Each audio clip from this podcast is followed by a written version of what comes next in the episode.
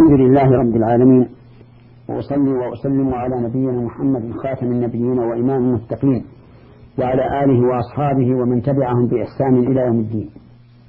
في الحلقة السابقة تكلمنا على قول الله تبارك وتعالى وإن طلقتموهن من قبل أن تمسوهن وقد فرضتم لهن فريضة فنصف ما فرضتم إلا أن يعفون أو يعفو الذي بيده عقدة النكاح وأن تعفوا أقرب للتقوى ولا تنسوا الفضل بينكم إن الله بما تعملون بصير. وتكلمنا بما يسره الله عز وجل ومن به من تفسير الآية. أما الآن فإلى بيان الأحكام المستنبطة منها. ففي هذه الآية من الفوائد أنه لا حرج على الإنسان أن يطلق زوجته قبل الدخول والخلوة. ومن فوائدها أنه إذا طلقها وقد فرض لها فريضة أي سمى لها صداقا وطلقها قبل الدخول فإن لها نصف المهر ونصفه للزوج. لأن الفرقة جاءت من قبل الزوج فيجب عليه النصف. وسبق لنا في حلقة ماضية أن الخلوة بها كالجماع كما قال به الخلفاء الراشدون رضي الله عنهم. ومن فوائد هذه الآية الكريمة أن المهر حق للزوجة. فليس حقا لأبيها ولا لأخيها ولا لعمها ولا لأحد من أوليائها. المهر حق لها. ويدل لهذا أيضا قوله تعالى وآتوا النساء صدقاتهن نحلة فإن طبن لكم عن شيء منه نفسا فكلوه هنيئا مريئا وما يحصل من بعض الناس من التحكم في مهر المرأة بحيث يشرط على الزوج أن يكون له منه كذا وكذا أن يكون له منه كذا وكذا فهو باطل. وليس له حق في هذا الاشتراط. لأن الزوجة لأن المهر للزوجة فهو لها بما استحل الرجل من فرجها. ومن فوائد هذه الآية الكريمة أن للزوجة أن تعفو عن نصيبها من المهر. بقول إلا أن يعفو. لكن هذا الإطلاق مقيد بما تدل عليه الأدلة الشرعية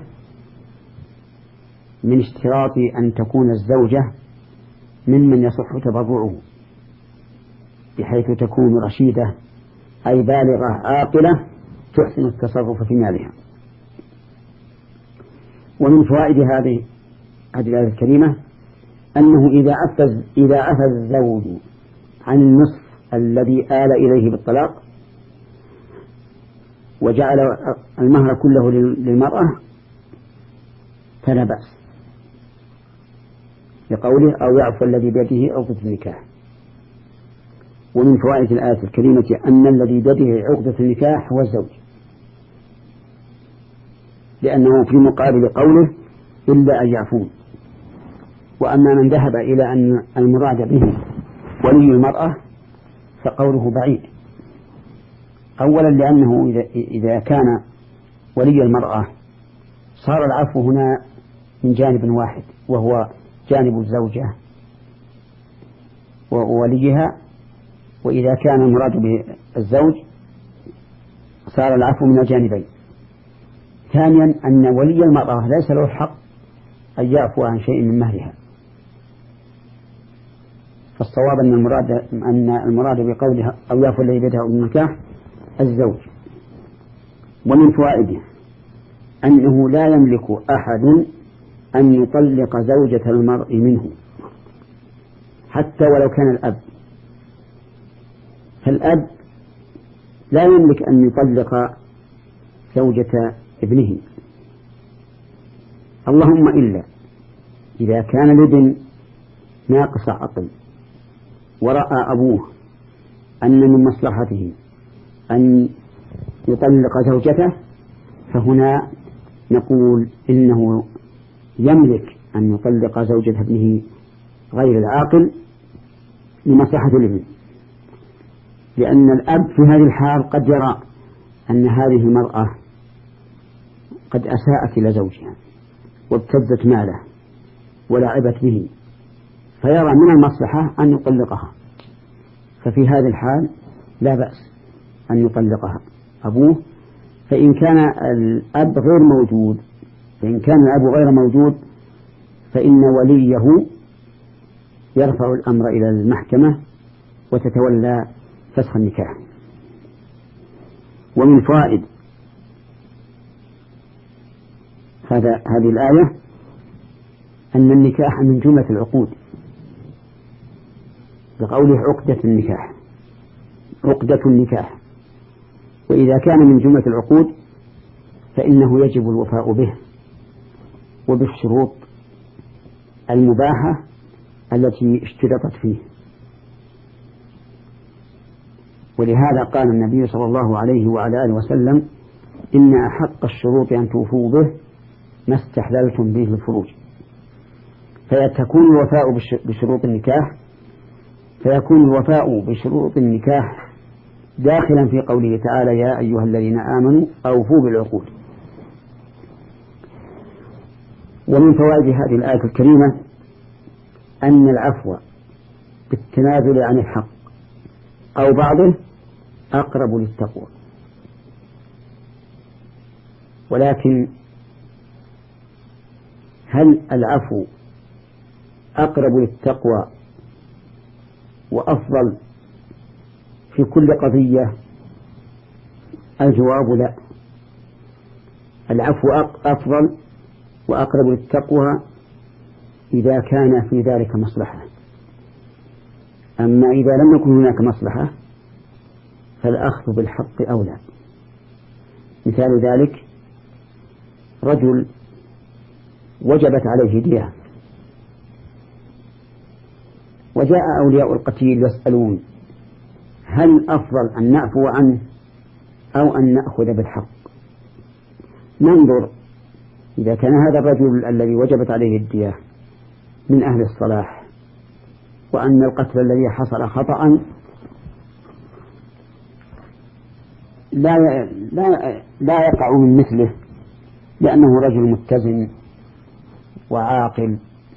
فهنا قد نقول إن العفو أفضل.